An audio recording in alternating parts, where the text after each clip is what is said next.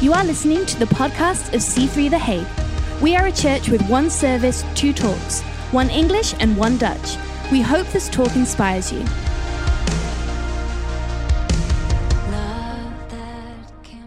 Second Corinthians 8, verse 1 to 3. It says, And now, brothers and sisters, interestingly enough, the Dutch translation only says brothers.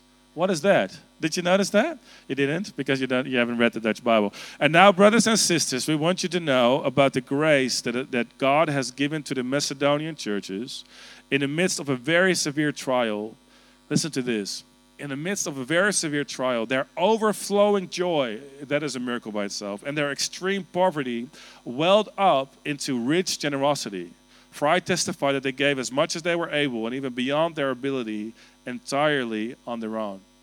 First thought I want to share with you today is generosity enables us to give abundantly, uh, irrespective, I'm sorry, that spelling mistake is not Sanders, irrespective of our means.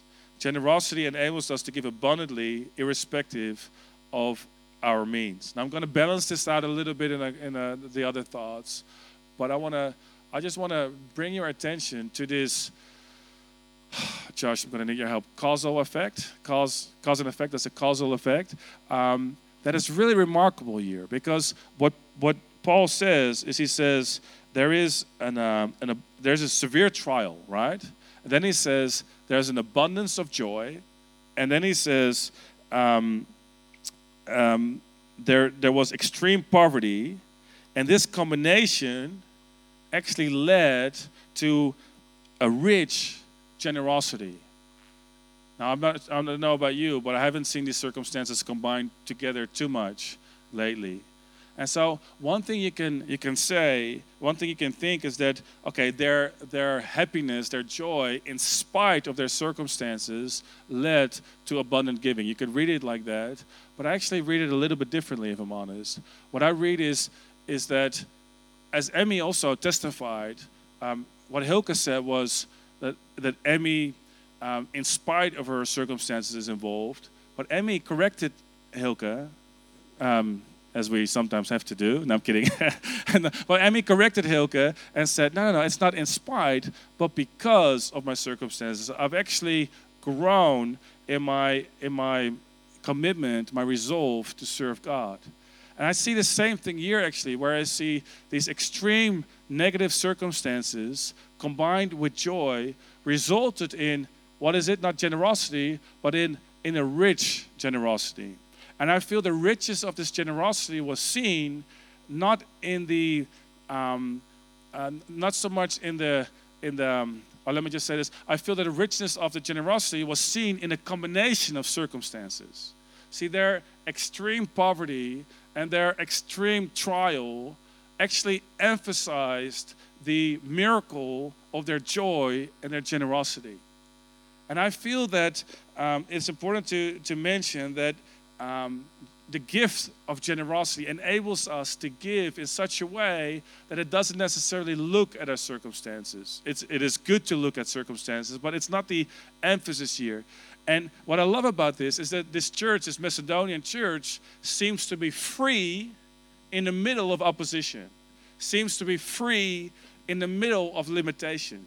And so I find it like amazing to see the richness of this generosity. It's not so much the amount that was given, but it was the, the richness of the amount or was in the sacrifice. Is that, a, is that interesting?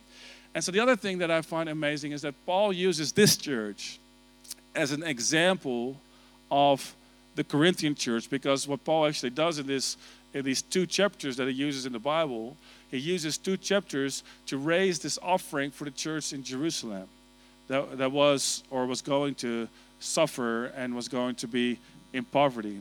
So, what he does is in the middle of an offering, he says, he starts the offering off with saying, Hey, I know this other church that, have, that has given beyond their ability. That church is really amazing.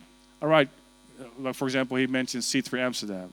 So he says, C3 Amsterdam last week gave an amazing offering. All right, church, we're going to take up an offering. It almost feels like he's, he's creating a sense of competition, doesn't it? Like, what are you doing, Paul? It seems a little manipulative.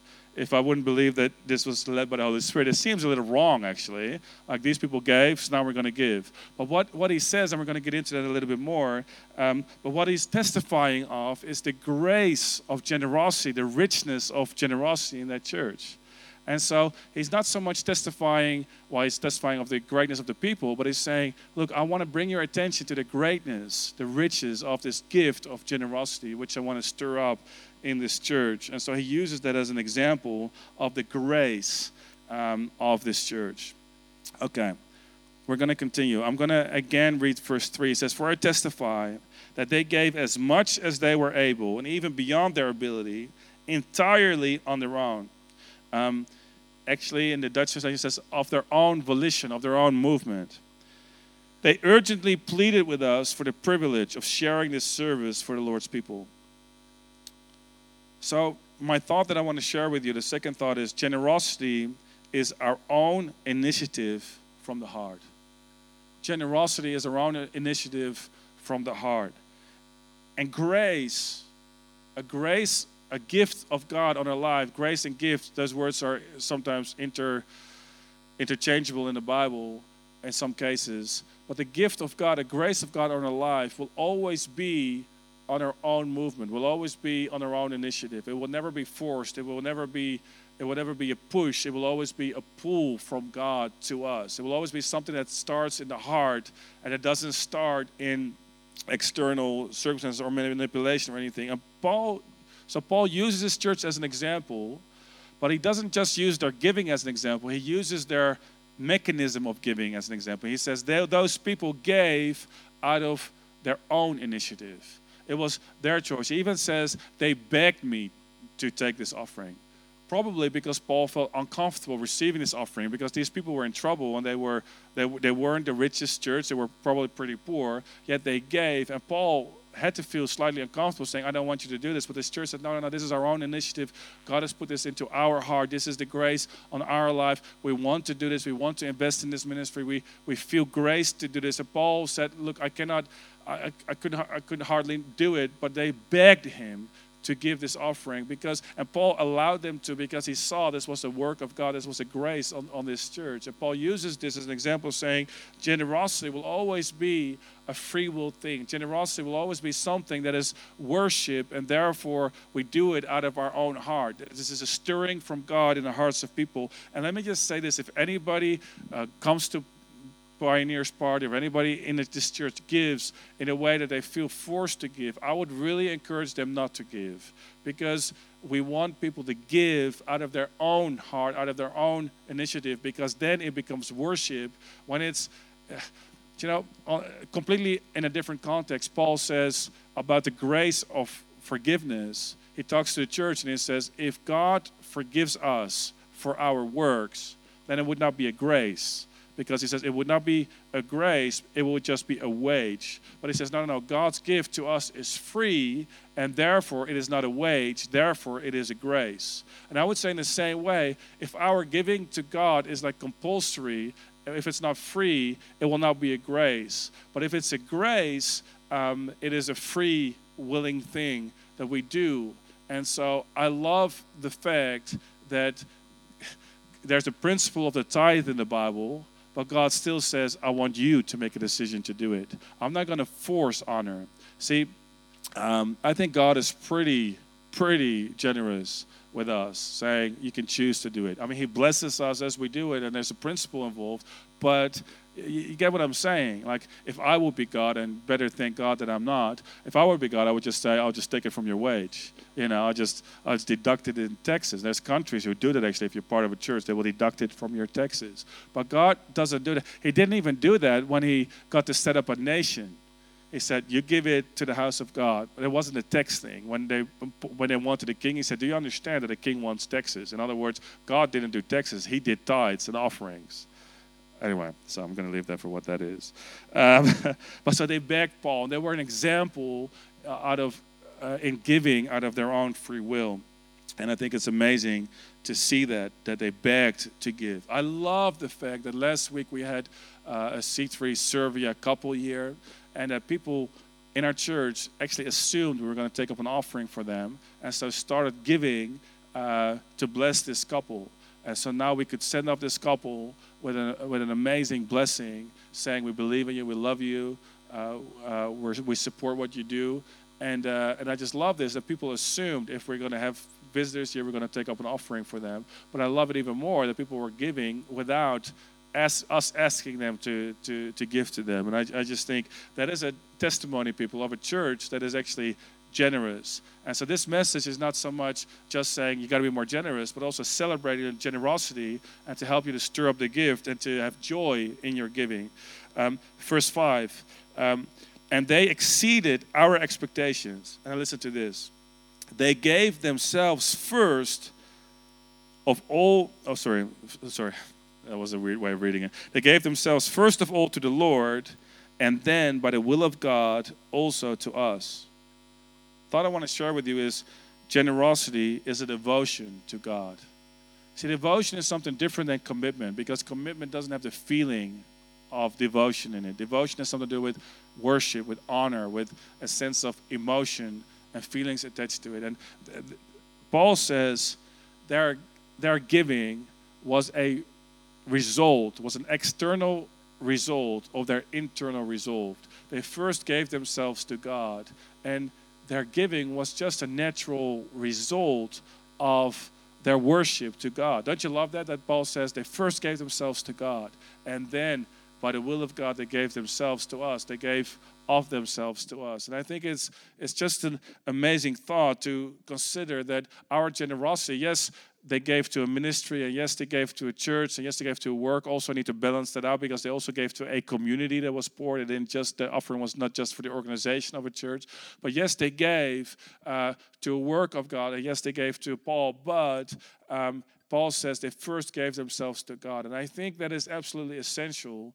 That you know sometimes in our church we talk about tithes and offerings and, and i think it's it's amazing to be able to teach that and i it's blessed our lives so we don't want to withhold that from anybody else.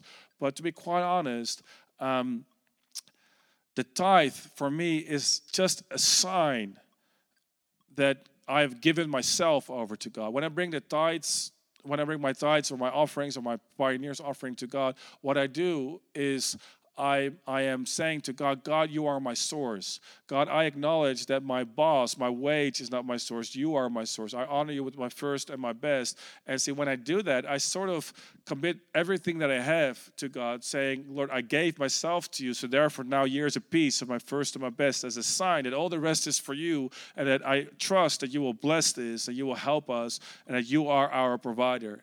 And so it's my devotion to God. It's a part of it's a part of my worship. I actually feel it's an essential part of my worship. Worship without a cost is not going to be real worship. And so, um, so uh, generosity is is a devotion to God. Paul says it started in the heart and it resulted into an outwardly offering. And so I think that's something to resolve. Is God Lord of all in my life? Is he my is he my is he worth my all? And so sometimes people, especially young adults, feel that they have to give up everything to serve God. I don't quite feel that you have to give up your career or you have to give up something. I just feel that, that there needs to be a willingness. And in finances, this is a sign that you're willing to give it all. If you're able to be obedient with God, with God in terms of what He wants from you. And so I would encourage you to consider have I given my heart fully over to God? This is also another thing do I trust Him? Do I trust God? A person, a well meaning person, came to me a couple of months ago and said to me, Lucas, do you realize that there are a lot of people who cannot live from 90% of their income? And I said to him, I do. But I also said, do you realize that those very same people are very likely not able to live off 100% of their income? So I said, so we can make a choice. We can either write them off and saying God can never provide for you. You will always uh, lack, and so please don't give uh, to church. We'll look after you, um, and we're just going to leave it at that. Or we can say we can we can teach them to trust God and to say, look, um, I know you cannot live from 100%, but if you give the first and the best of your 100%. Let's believe that God will bless the rest and there will be a miracle in your life. I don't want to write you off. I want to actually believe in you, saying to you that you can do it. I understand there's a journey and a process and we're not going to force anybody, but I just I just don't like the idea to say some people can't just not make ends meet. Um, I understand there's poverty and I'm not saying I would do this in every single context, but I think in our context, we can teach people to start budgeting and to start giving and to see miracles happening in their lives. And we've seen it a lot of the time. But anyway, so it's it's but the question is do you trust God? And see when you trust God, God can provide. If your faith is real, this is important though because another person came to me a long time ago and said, "You know what, Lucas, I started giving because my pastor said I should give 10% of my income to God." And then she said, "And from the moment that we did that, everything went bad financially. I thought about that for a moment because I was a little confused. I was like, I've never heard this testimony. It's not a very inspirational testimony, but again, apparently it is your testimony. And then I thought about what she said, and she said, My pastor told me to give 10%, and therefore I gave it, and she was frustrated about the consequence of it. I said, Have you considered that your pastor is not able to meet your needs? Because if you go on the word of your pastor, you're, you're probably going to have to talk to him about providing for your needs. But if you go on the word of God, if you can believe it from God as a revelation, I believe God will give you the grace and the faith to do it. I didn't say that, but I thought that. But anyway, so it sounded very courageous, didn't it? You're like, wow, that's, that was ballsy, ballsy stuff right there. But it wasn't, it wasn't so much. Um, I do believe I gave it an answer, but in a more subtle way. Um, fourth thought generosity is an essential part of our gift mix. Listen to this. Paul says this, continuing in the text. So we urge Titus, just as he had, had earlier made a beginning, to bring also the completion um, uh, to completion this act of grace on your part. And this is what I want to highlight. But since you excel in everything, in faith, in speech, in knowledge, in complete earnestness, and in the love we have kindled in you see that you also excel in this grace of giving. Generosity is an essential part of our gift mix. See, Paul writes to the Corinthians in 1 Corinthians, and he speaks to the church as a very gifted church. When it was time to give a prophecy, the church fell over each other because everybody wanted to give a prophecy. There was actually a competition. Paul said, You know what? Hold on, guys. Prophesy one by one because, you know what? There's no sense in all this. There was healing, there were, there were miracles. There were so many miracles that there was actually a feeling of competitiveness about who, got, who gets the most miracles, like a sort of like a real life television show on healing or whatever. Like, you know, there was like a scoreboard almost, like who was the most spectacular uh, word of knowledge person. There were all these gifts, and it was quite amazing. And Paul actually said, You guys think you're spiritual, but you're not that mature. Anyway, that's a whole different message. But this was a church that was graced with amazing gifts. There were speakers, so many speakers that some people said, said I follow Paul the Apostle, he's my leader. Other people said, No, Apollos, he's a gifted orator, a gifted speaker. I follow Apollos. Other people were more spiritual. They said, I don't follow Paul, I don't follow, uh, I, I, don't, I don't follow Barnabas. I'm more spiritual. I follow Christ because they were the true spiritual people people. They say, I don't need a leader. I'm just going to, it reminds me of the mother of the, the, of the church of these days. But anyway, um, so, so there were all these gifts and all these things. And Paul says, you excel in all these gifts. It's amazing. It's beautiful. You excel even in love. But he says, make sure that you also excel in this grace of giving. What is Paul saying? Well, first of all, he's saying it's an, giving is an essential part of our gift mix. I feel that that God um, I feel that generosity is really a very good expression of who Jesus is. And I want to talk about that a little bit uh, more, but actually I'm going to I'm going to I'm going to leave that alone for now. But what Paul essentially is saying is there listen, there are graces. Paul talks in 1 Corinthians about, about gifts. People have gifts. He says some people have this gift, other people have that gift. And there is a diversity of gifts. I absolutely believe that. But he also apparently seems to say that we can develop our gifts. And what he says in 1 Corinthians 14, he says, um, desire those gifts that will edify, that will build up the church. He says, use, uh, seek to use the gifts that are mostly um, beneficial to the church. He's, for example, he speaks about prophecy. He says prophecy is way better than speaking in the tongues of angels because people get it. He says seek to prophesy and to build people up. When you do it, do it in an encouraging way, not in a anyway, not in a bad way. That's a whole other message by itself. But he says, I want you to seek the gifts that are that are building up the church. Uh, Romans, as I just mentioned, Romans 12, verse 8 mentions the gift of generosity. And let me tell you, the gift of generosity is a needed gift in the church. And Paul says, seek to excel, not only in the, all the other gifts, but seek to excel in, in this gift. There's a gift of leadership, there's a gift of serving, but there's also a gift of generosity. And it seems to, to me that Paul, in his thinking, says, yes, there are people who are naturally wired for something, absolutely. And then there's also a development of gifts in the church. And so, as a church, we want to develop these gifts. They're coming, people. They're coming. Uh, to develop this is Hey, kiddies, kiddies, can you, Elisa, can you lead the team out out there? Come on. I'm, uh, yeah, I know, but in, in, in, that room, please. I love you, girl. See you in a bit. See, that's fatherhood right there. Make sure that people wait. Oh, okay. So I could see the door coming down, and I'm here. So, all right. So, um, let me let me just move on. Um, uh, another thought. Are you guys still awake? Five minutes to go and 38 seconds. Are you good? All right. Um, I am, this is Paul saying, I am not commanding you. Are you grateful for that? Anybody? I'm not commanding you, but I want to test the sincerity of your love by comparing it with the earnestness of others. And then he says this. This is so amazing to me. He says, For you know the grace of our Lord Jesus Christ, that though he was rich, Yet for our sake he became poor, so that you, through his poverty, might become rich. Okay, the thought I want to share with you, the fifth thought, hopefully seven thoughts, is um, generosity is following the example of Jesus Christ on the cross. Generosity is following the example of Jesus Christ on the cross. Let me just be honest with you.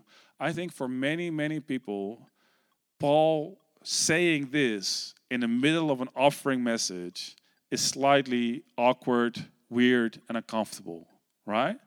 What he's saying is, I want you guys to give to this offering, and I'm just going to highlight this Jesus Christ became poor so that you can become rich. Now, I absolutely believe that even though the context is financial, Paul didn't just talk about Jesus Christ's financial situation. I absolutely sometimes sometimes in the in the effort to make this all make sense, preachers go, Jesus Christ became financially poor, so you can become financially rich. I, I don't really think so. Let me just first of all say, when did Jesus become poor?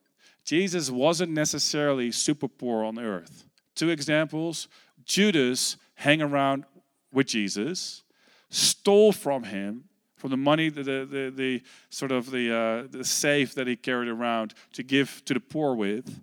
And, and the ministry of Jesus didn't notice it. And Jesus took care of all the followers that he had. So, so Jesus was not financially poor. When Jesus was on the cross, there were people gambling for his clothes.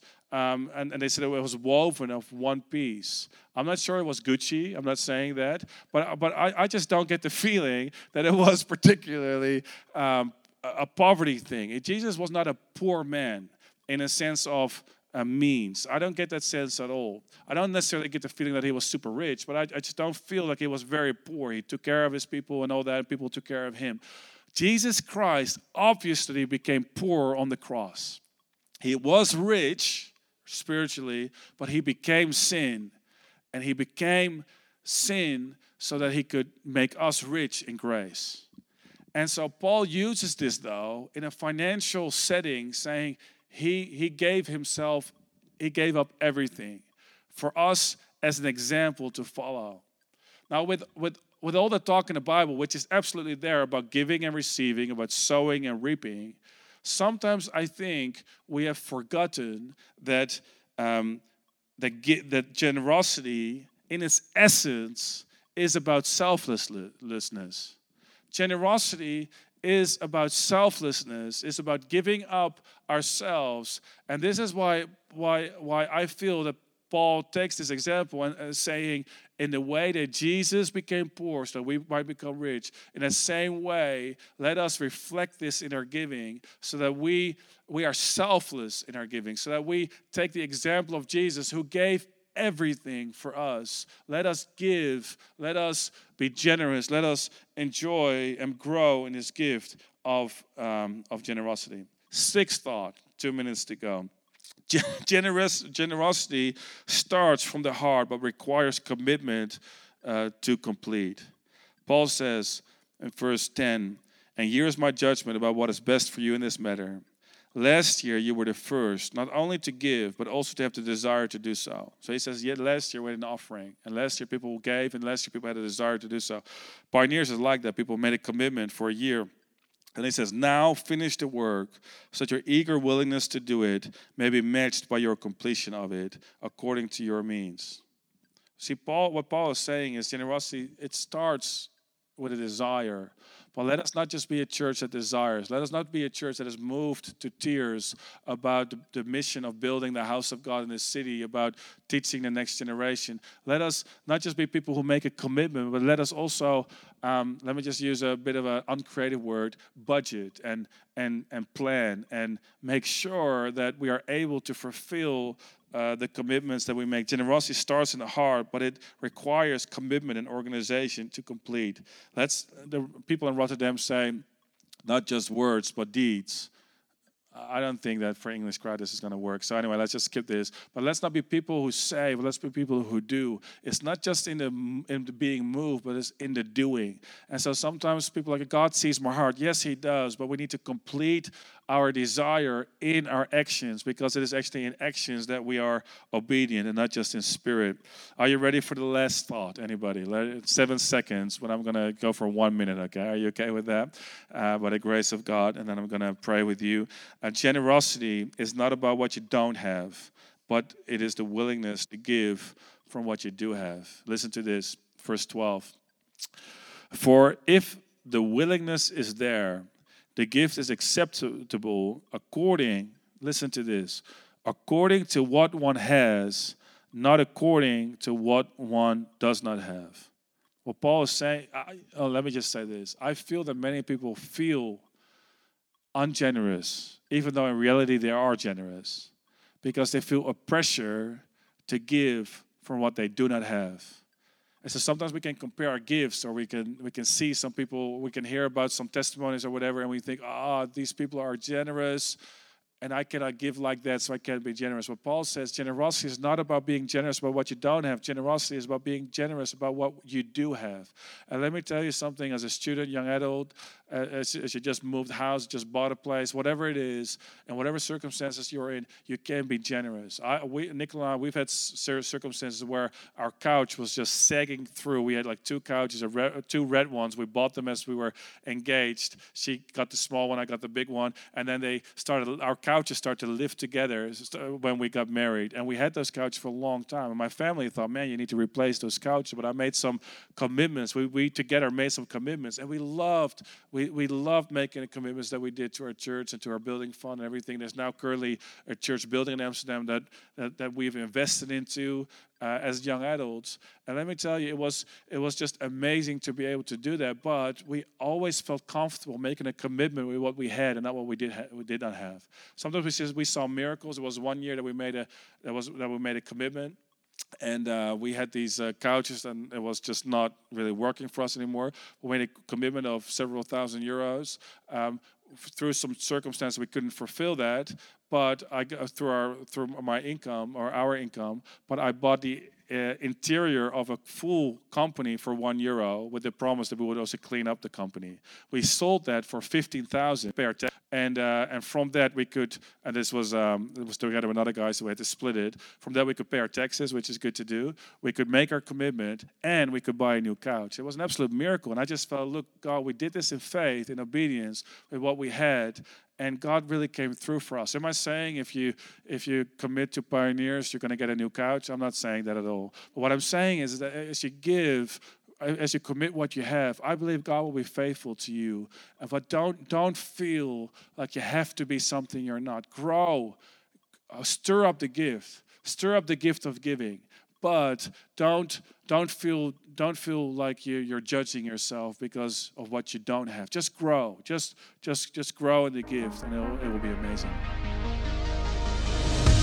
Thank you for listening to this podcast. If you want to know more about what's going on at c3 the hague please follow us on instagram. We'd love to see you on sunday